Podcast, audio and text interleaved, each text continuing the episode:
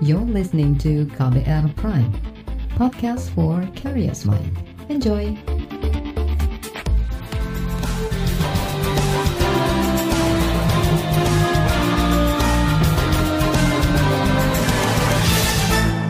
Halo, selamat sore saudara. Apa kabar Anda sore hari ini? Kembali KBR sore siap untuk menjadi teman Anda. Hari ini tanggal 14 Desember 2021. Hari ini pemerintah mulai menggelar vaksinasi COVID-19 untuk anak usia 6 sampai 11 tahun. Program vaksinasi anak ini bersifat wajib untuk menekan kasus kematian anak akibat corona serta membentuk kekebalan kelompok terhadap virus COVID-19. Apalagi sekolah sudah mulai menggelar pembelajaran tatap muka. Lantas, apakah pemerintah sudah cukup mensosialisasikan vaksinasi COVID-19 terhadap anak dan orang tua? Bersama saya, Reski Mesanto, kita bahas selengkapnya sore hari ini di KBR Sore. Saudara, pelaksanaan vaksinasi COVID-19 untuk anak usia 6 sampai 11 tahun bakal dilakukan bertahap mulai hari ini. Vaksinasi dimulai dari daerah yang telah memenuhi syarat seperti sudah mencapai target 70% vaksinasi dosis pertama dan 60% untuk vaksinasi lansia. Ada seratusan kabupaten kota di 11 provinsi yang sudah memenuhi syarat untuk melaksanakan vaksinasi anak. Di antaranya Provinsi Banten, Yogyakarta, DKI Jakarta, Jawa Tengah, dan Bali. Kegiatan vaksinasi diselenggarakan di puskesmas, rumah sakit, ataupun pos pelayanan vaksinasi, dan sentra vaksinasi serta lembaga kesejahteraan sosial anak seperti panti asuhan. Pemerintah juga terus memastikan kesiapan daerah untuk menyelenggarakan vaksinasi anak. Juru bicara vaksinasi COVID-19 dari Kementerian Kesehatan, Siti Nadia Tarmizi mengatakan, pemerintah menggandeng berbagai pihak untuk membantu sosialisasi dan penyelenggaraan vaksin untuk anak, mulai dari institusi pendidikan hingga pelayanan kesehatan. Nadia mengklaim pemerintah sudah berpengalaman dalam menyelenggarakan vaksin untuk anak-anak. Yang pasti kan vaksinasi pada anak ini bukan yang pertama kita lakukan ya kan. E, kita tahu bahwa vaksinasi pada anak itu kan kita lakukan di berbagai imunisasi anak sekolah, kemudian kampanye MR, itu juga kita lakukan campak dan rubella ya, itu dilakukan di sekolah-sekolah ya artinya. Nah, kalau melihat kondisi tersebut, kita sudah biasa bekerja sama dengan sekolah-sekolah tentunya seperti itu. Jadi tidak terlalu menyulitkan ya untuk kemudian kita melaksanakan vaksinasi ini dengan uh, bekerjasama dengan sekolah-sekolah khususnya pada anak-anak usia tahun. Kemudian kalau kita lihat juga bahwa vaksinasi ini tentunya selain di sekolah-sekolah juga dengan bersama puskesmas ya. Jadi puskesmas, rumah sakit itu juga bisa melaksanakan vaksinasi pada anak ini seperti itu. Jadi akan terkonsentrasi melalui sekolah-sekolah ya, ataupun kalau ada sentra vaksinasi begitu ya, eh, dan melalui puskesmas. Siti Nadia menghimbau partisipasi aktif dari masyarakat, khususnya orang tua untuk mensukseskan vaksinasi COVID-19 untuk anak. Ia menegaskan vaksin COVID-19 aman bagi anak dan sudah mendapat izin penggunaan darurat oleh Badan Pengawas Obat dan Makanan atau BPOM. Ya, jadi pemerintah tentunya sudah mempertimbangkan dengan hati-hati atas aspek keamanan dan aspek manfaat daripada vaksinasi pada anak-anak usia 6 sampai 11 tahun. Izin penggunaan darurat itu dikeluarkan oleh Badan POM yang tentunya sudah melalui kajian ya bersama dengan Ikatan Dokter Anak Indonesia, juga ITAGI dari sisi manfaat dan efek samping yang mungkin bisa muncul ya dikarenakan Eh, vaksinasi dan juga di sudah dilihat bahwa manfaatnya perlindungannya besar daripada resikonya. Kita tahu efek samping yang muncul uh, pemberian dari Sinovac ini sangat ringan ya. Rata-rata hanya berupa nyeri pada saat penyuntikan, ada dilaporkan demam tapi kasusnya sangat kecil sekali dan umumnya demam itu hilang sendiri dalam 2-3 hari ya. Orang tua tidak perlu khawatir karena ini akan memberikan proteksi tambahan kepada anak-anak kita, terutama pada saat anak-anak berada di tempat-tempat publik. Ya. Sementara itu, Saudara Wakil Menteri Kesehatan Dante Saksono Harbuwono hari ini meninjau pembukaan vaksinasi di SDN Cempaka Putih Timur 03 bersama Gubernur DKI Jakarta Anies Baswedan. Dante mengatakan ada sekitar 25 juta anak yang menjadi target vaksinasi COVID-19. Pemerintah menyiapkan hampir 60 juta dosis vaksin untuk kegiatan ini. Ia berharap vaksinasi bisa mencegah anak-anak dari potensi penularan COVID-19 sekaligus membantu percepatan vaksinasi di Indonesia. Jadi kalau dua kali vaksinasi berarti sekitar 58 juta dosis. Ditambah dengan anak-anak yang usianya kemarin baru 11 menginjak ke 12, kira-kira akan ada 9,9 juta dosis. Dan ini sudah kita antisipasi dan kita sudah siapkan. Sekarang kita sudah tersedia 6,4 juta dosis vaksin. Berdasarkan atas rekomendasi dari Indonesian Advisory Group Technical Group on Immunization atau ITAGI dan berdasarkan atas EUA yang dikeluarkan oleh BP POM maka vaksin yang digunakan adalah vaksin Sinovac untuk anak-anak yang sekarang akan dilakukan vaksinasi. Mudah-mudahan dengan dilakukan vaksinasi ini maka anak-anak bisa lebih sehat, bisa lebih terjamin untuk tidak terkena infeksi COVID ketika mereka melakukan proses belajar dan mengajar di sekolah secara langsung. Sementara itu, Gubernur DKI Jakarta Anies Baswedan mendorong para orang tua agar anak-anak bisa segera divaksin. Ia berharap capaian vaksinasi anak di Jakarta bisa mencapai target seperti kelompok usia dewasa yang sudah mencapai lebih dari 90 persen. Pada hari ini, di Jakarta ada sekitar 10 ribu anak usia 6 sampai 11 tahun yang mendapatkan vaksinasi dosis pertama. Jumlah total anak usia 6 sampai 11 tahun di Jakarta yang terdaftar di dalam data pokok pendidikan atau Dapodik ada 1,1 juta. Mereka akan mendapatkan vaksinasi di sekolah-sekolah, di puskesmas, di rumah sakit, dan di sentra-sentra vaksinasi yang diselenggarakan di komunitas. Kami mengajak kepada para orang tua untuk mensegerakan mengajak anak-anaknya yang berusia 6 hingga 11 tahun untuk segera mendatangi fasilitas-fasilitas yang ada. Sekolah-sekolah melakukannya secara bergiliran bersamaan dengan kegiatan belajar mengajar yang diselenggarakan di sekolahnya. Kita sekali lagi mengharap kepada semua pihak untuk mengajak anak-anak usia 6 hingga 11 tahun untuk mensegerakan sehingga target vaksinasi bisa segera tercapai seperti pada kelompok usia 12 hingga 17 17 hingga usia lansia yang semuanya alhamdulillah di Jakarta sudah uh, melampaui uh, targetnya. Saudara itu tadi Gubernur DKI Jakarta Anies Baswedan. Baiklah, kita jeda sejenak. Nanti setelah jeda akan saya hadirkan laporan khas KBR mengenai reaksi orang tua terhadap dimulainya vaksinasi COVID-19 pada anak. Tetaplah di KBR sore. You're listening to KBR Pride, podcast for curious mind. Enjoy!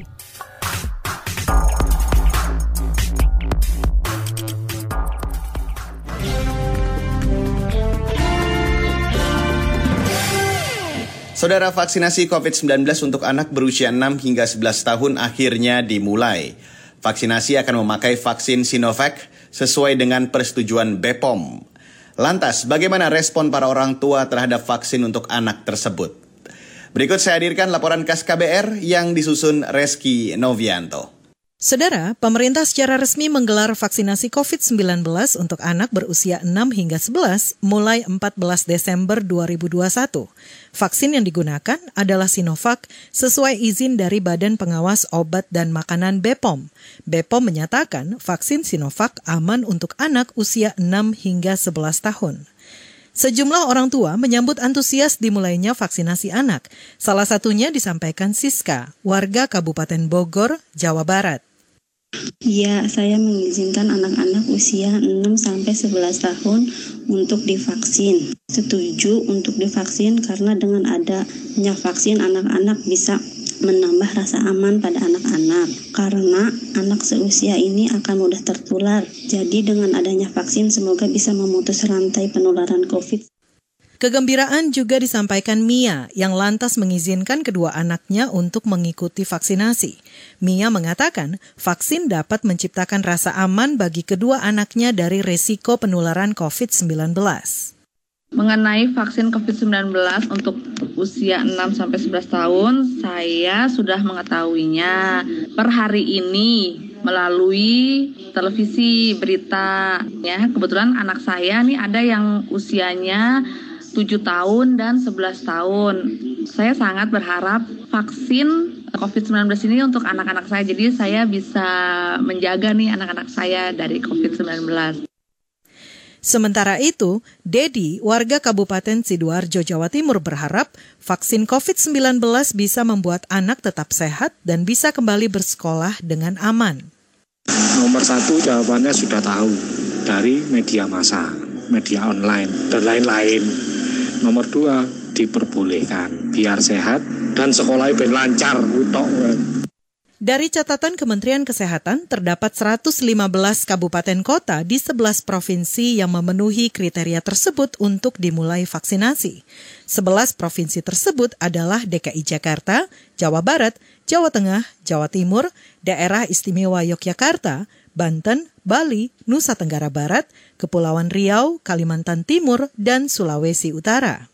Ketua Komite Penasehat Ahli Imunisasi Indonesia Itagi, Sri Rezeki Hadinegoro mengatakan, tidak perlu ada perlakuan khusus pada pelaksanaan vaksinasi anak. Menurutnya, pelaksanaan vaksinasi COVID-19 untuk usia 6 hingga 11 tahun tidak jauh berbeda dengan vaksinasi untuk usia remaja 13 hingga 17 tahun. Sebetulnya si pasien anak untuk 6 sampai 11 tahun itu udah biasa ya. Selama ini kan udah rutin vaksin-vaksin yang lain. Jadi sebetulnya sih ini nggak seperti orang dewasa. Jadi sebetulnya ibu-ibu juga udah pada tahu lah apa yang harus dikerjakan ya. Karena sampai di sekolah SD itu kan ada programnya juga gitu ya. Jadi sebetulnya nggak ada yang istimewa untuk vaksinasi COVID ini ya. Ketua Itagi, Sri Rezeki Hadinegoro menyebut pemberian vaksin COVID-19 tetap perlu memperhatikan kondisi kesehatan anak. Ia mengatakan anak dengan penyakit bawaan atau komorbid tetap harus melalui pengawasan. Sri Rezeki juga menyarankan saat mengikuti pelaksanaan vaksinasi, anak turut didampingi oleh orang tua. Dia pun memastikan penggunaan vaksin Sinovac tidak akan membuat efek samping alias kejadian pasca ikutan imunisasi atau KIPI yang berat. Laporan ini disusun Reski Novianto. Saya Aika Renata. Saudara, program vaksinasi COVID-19 pada anak mendapat respon dari Ikatan Dokter Anak Indonesia atau IDAI. Mereka pun menyusun petunjuk teknis pemberian vaksinasi COVID-19 untuk anak. Apakah perlu ada penanganan khusus pada pelaksanaan vaksinasi anak dibanding dewasa? Informasi selengkapnya sesaat lagi. Tetaplah bersama kami di KBR Sore. You're listening to KBR Pride, podcast for curious mind. Enjoy!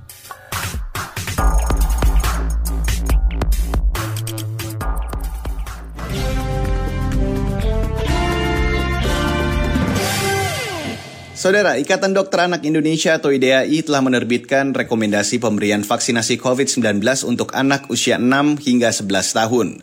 Ketua IDAI, Pimprim Basarah Yanuarso menyebut, vaksinasi anak 6 hingga 11 tahun penting dilakukan untuk memutus penyebaran COVID-19 karena beberapa faktor. Salah satu pertimbangannya adalah proporsi kasus anak terinfeksi COVID-19 yang cukup tinggi. Dari data Satgas COVID-19 hingga November lalu, ada lebih dari 10% kasus anak terinfeksi virus corona. Kita tahu bahwa eh, Badan POM sudah mengeluarkan izin dalam keadaan emergensi vaksin Corovac produksi Sinovac untuk anak berusia 6 sampai 11 tahun oleh Badan POM ya. Kemudian juga karena proporsi kasus anak terinfeksi COVID ini cukup tinggi, sekitar 13 persen, berdasarkan data dari Satgas COVID Nasional per 1 November 2021. Kemudian juga kita tahu bahwa sudah dimulai pembelajaran tatap muka di sekolah-sekolah, termasuk anak-anak usia di bawah 12 tahun, ya. Dan ini juga yang penting adalah bahwa anak itu selain bisa tertular, dia juga bisa menjadi penular jadi bisa menularkan uh, virus COVID ini ke orang-orang di sekitarnya, pada orang lansia yang risikonya tinggi atau kepada om tantenya yang uh, punya komorbid ya. Dengan demikian uh, sangat penting untuk melakukan imunisasi pada anak-anak usia 6 tahun ke atas ini dalam rangka memutus penyebaran virus corona di masa pandemi ini. Ketua Ikatan Dokter Anak Indonesia atau IDAI, Pimprim Basarah Yanuarso menambahkan, secara teknis, pelaksanaan vaksinasi COVID-19 pada anak usia 6 hingga 11 tahun tidak berbeda dengan kelompok usia remaja 12 hingga 17 tahun. Pimpri mengatakan IDAI berkomitmen membantu Kementerian Kesehatan dalam penyelenggaraan vaksinasi kepada lebih 25 juta anak yang menjadi target vaksinasi. Salah satunya dengan mematangkan petunjuk pelaksanaan teknis atau juknis untuk pelaksanaan screening di lapangan. Kami, Ikatan Dokter Anak Indonesia, memberi rekomendasi sebagai berikut. Yang pertama, pemberian imunisasi COVID-19 CoronaVac pada anak golongan usia 6 tahun ke atas, Kemudian diberikan secara intramuskuler dengan dosis 3 mikrogram atau 0,5 ml sebanyak dua kali pemberian dengan jarak dosis pertama dan kedua yaitu sekitar 4 minggu. Kemudian eh, ada beberapa kontraindikasi terutama pada anak-anak dengan masalah berat ya, masalah kronik berat, pada defisiensi imun yang berat, penyakit autoimun yang tidak terkontrol ya penyakit kanker yang sedang menjalani kemoterapi atau radioterapi, kemudian sedang mendapatkan obat imunosupresan berat atau sitostatika, kemudian anak yang sedang demam, anak yang sembuh dari COVID kurang dari tiga bulan, atau pasca imunisasi yang lain kurang dari satu bulan, ya, kehamilan pada remaja, kemudian anak dengan hipertensi tak terkendali, diabetes, diabetes mellitus tak terkendali, atau penyakit kronik atau kelainan kongenital yang tidak terkendali. Pada kasus-kasus penyakit kronik yang masih bisa eh, dikendalikan dalam kondisi stabil, ini nanti bisa dikonsultasikan dengan dokter yang biasa merawat untuk mendapatkan surat layak vaksin. Pada prinsipnya, anak-anak dengan kelainan bawaan lebih butuh vaksinasi COVID ini dibanding anak-anak yang sehat. Pimpri mengimbau para orang tua tidak ragu-ragu membawa anaknya ke tempat eh, vaksinasi COVID-19. Ia juga mengimbau seluruh dokter anggota IDAI ikut membantu meningkatkan cakupan vaksinasi untuk anak dengan tetap mendorong pemberian vaksinasi rutin untuk anak. Jadi orang tua diharapkan jangan ragu-ragu untuk memberikan vaksin COVID ini. E, hal lain juga adalah pada saat pelaksanaan nantinya, sebelum dan sesudah vaksinasi, semua anak tetap memakai masker dengan benar, menjaga jarak, tidak berkerumun, dan juga jangan bepergian apabila tidak penting. Ya. E, pelaksanaan imunisasi selanjutnya mengikuti kebijakan Kementerian Kesehatan Republik Indonesia dan dapat dimulai setelah mempertimbangkan kesiapan petugasnya, sarananya, prasana, prasarananya ya, termasuk jumlah vaksinnya yang ada dan juga kesiapan di masyarakat ya. Dalam hal ini Ikatan Dokter Anak Indonesia menghimbau untuk melakukan semua e, imunisasi kejar atau catch up imunisasi ya kepada semua anggota IDAI dan juga imunisasi rutin. Jangan dilupakan untuk mencegah kejadian luar biasa penyakit yang bisa dicegah dengan imunisasi ya dan juga untuk membantu meningkatkan cakupan imunisasi COVID pada anak ya yang sudah ditargetkan oleh pemerintah ya. Eh, lalu yang terakhir semua anggota Ikatan Dokter Indonesia diharapkan mengikuti panduan pelaporan imunisasi dan pemantauan setelahnya yang sudah dikeluarkan oleh Kementerian Kesehatan Republik Indonesia. Saudara itu tadi Ketua Ikatan Dokter Anak Indonesia atau IDAI, Pimprim Basarah Yanuarso. Kelompok masyarakat sipil lapor COVID-19 menilai sosialisasi pemerintah terkait vaksinasi COVID-19 anak usia 6 hingga 11 tahun masih belum optimal. Lantas seperti apa usulan terhadap pemerintah agar edukasi vaksinasi anak dapat menjangkau masyarakat? Informasi selengkapnya sesaat lagi. Tetaplah bersama kami di KBR Sore. You're listening to KBR Pride, podcast for curious mind. Enjoy!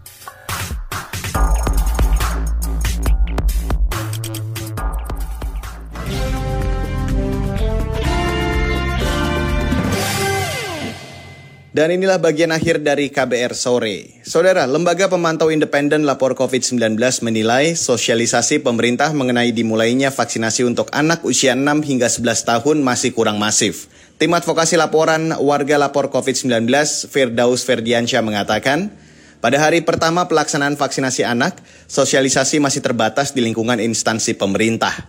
Lalu bagaimana saran lapor COVID-19 agar vaksinasi pada anak bisa maksimal? Berikut saya hadirkan wawancara jurnalis KBR Astri Yuwanasari bersama tim advokasi laporan warga lapor COVID-19 Firdaus Ferdiansyah. Bagaimana catatan lapor COVID terkait sosialisasi pemerintah tentang vaksinasi anak nih Mas? Sebenarnya kalau vaksinasi anak mungkin kita nggak terlalu apa memantau ya. Barangkali sosialisasinya juga ya mungkin nggak nggak nggak nggak semuanya benar-benar dilakukan secara masif lah. Artinya memang ya ada sosialisasi tapi mungkin barangkali masih terbatas. Itu yang pertama. Yang kedua, sosialisasinya juga diperuntukkan bagi uh, pihak-pihak yang memang Eh, berkepentingan, misal kepada dinas kesehatan, kepada dinas pendidikan, dan juga mungkin terutama uh, kementerian lembaga terkait ya, misalnya Kementerian Kesehatan. Kementerian Kesehatan kemarin baru ngelakuin uh, sosialisasi terkait vaksinasi anak misalkan, bahwa vaksinasi anak sudah diperbolehkan dengan jenis vaksinnya sudah ditentukan, yakni dari pakai jenis vaksinnya uh, CoronaVac ya, yang di produksi oleh Bio Farma. Apa yang perlu diperbaiki terkait sosialisasi ini, Mas, untuk uh, mensukseskan vaksinasi untuk anak 6 sampai 11 tahun ini? Sebenarnya kami belum melihat, termasuk misalnya dari laporan warga, lapor COVID, itu kami juga belum melihat adanya resistensi ya dari orang tua untuk tidak me memberikan izin vaksinasi kepada anak. Tetapi ya itu tadi, sosialisasinya saya kira masih terbatas, terbatas pada pihak-pihak yang memang berkepentingan, misalnya seperti dinas kesehatan, dinas kantor agama ya kantor kewilayahan agama di masing-masing wilayah, lalu kemudian ada di dinas pendidikan, sosialisasi misalnya di sekolah kepada orang tua, kepada kelompok komite komite wali murid misalkan itu kami belum melihat sejauh itu sih sosialisasinya sampai sana. Nah ini yang dikhawatirkan jangan sampai kemudian uh, vaksinasi kepada anak tanpa adanya koordinasi atau informasi yang adekuat dari orang tua. Karena bagaimanapun juga uh, tanggung jawab selain negara bertanggung jawab terhadap hak atas kesehatan bagi anak orang tua tentu akan jauh lebih khawatir kalau misalkan terjadi apa-apa kepada anaknya. Sebenarnya apa sih dampaknya jika vaksinasi anak ini kurang sosialisasi, Mas? Mungkin kalau misalkan aku coba tarik secara garis besar, kenapa kemudian itu sebelum diberi vaksin harus mendapatkan atau harus diberikan informasi ter terkait vaksin itu sendiri. Bagaimana kemanfaatannya, bagaimana eh, efektivitasnya, bagaimana keamanannya, dan juga informasi terkait KIPI. Bagaimana kalau misalkan terjadi KIPI, apa yang harus dilakukan, uh, bagaimana penanganannya, dan lain sebagainya. Kalau kemudian informasi itu jadi disampaikan, maka yang pertama, khawatir informasi terkait vaksin itu cenderung disinformasi. Artinya misal, oh saya vaksin tetapi bukan untuk kesehatan, misalnya untuk bisa mendapatkan bansos. Karena di beberapa wilayah kami temui warga yang mau mendapatkan bansos, itu syaratnya harus sudah vaksin yang sama. Atau ternyata vaksin itu gunanya agar saya bisa masuk ke mall. Atau ternyata kemudian penggunaan vaksin itu ah, bisa berpergian jauh. Nah, informasi-informasi ini yang sebetulnya kan cenderung salah. Seharusnya kan vaksin itu tadi untuk misalnya melindungi kita, untuk misalnya untuk me meningkatkan tingkat keparahan akibat COVID dan lain sebagainya sehingga ada kesadaran terkait bahaya dari COVID-19. Nah, begitu juga dengan anak. Informasi-informasi itu juga perlu disampaikan kepada anak dan juga orang. Termasuk yaitu tadi informasi apabila terjadi efek samping apa yang biasanya terkenal dengan KIPI. Jangan kemudian tiba-tiba anak hari ini misalkan ya, anak disuntik vaksin, besoknya demam. Lalu kemudian orang tua bingung, lah anak saya kok demam habis vaksin? Lalu kemudian muncul timbul informasi-informasi yang salah, informasi-informasi yang barangkali menyesatkan kepada orang tua lain, kepada orang-orang lain sehingga justru cenderung berakibat pada penolakan terhadap vaksin. Saudara itu tadi wawancara jurnalis KBR Astri Yuwanasari bersama tim advokasi laporan warga lapor COVID-19 Firdaus Ferdiansyah. Dan wawancara tadi sekaligus menutup KBR sore untuk hari ini. Terima kasih untuk Anda yang sudah bergabung sore hari ini dan jangan lupa untuk selalu mematuhi protokol kesehatan. Saya Reski Mesanto mewakili tim redaksi yang bertugas sore hari ini. Kami undur diri. Salam.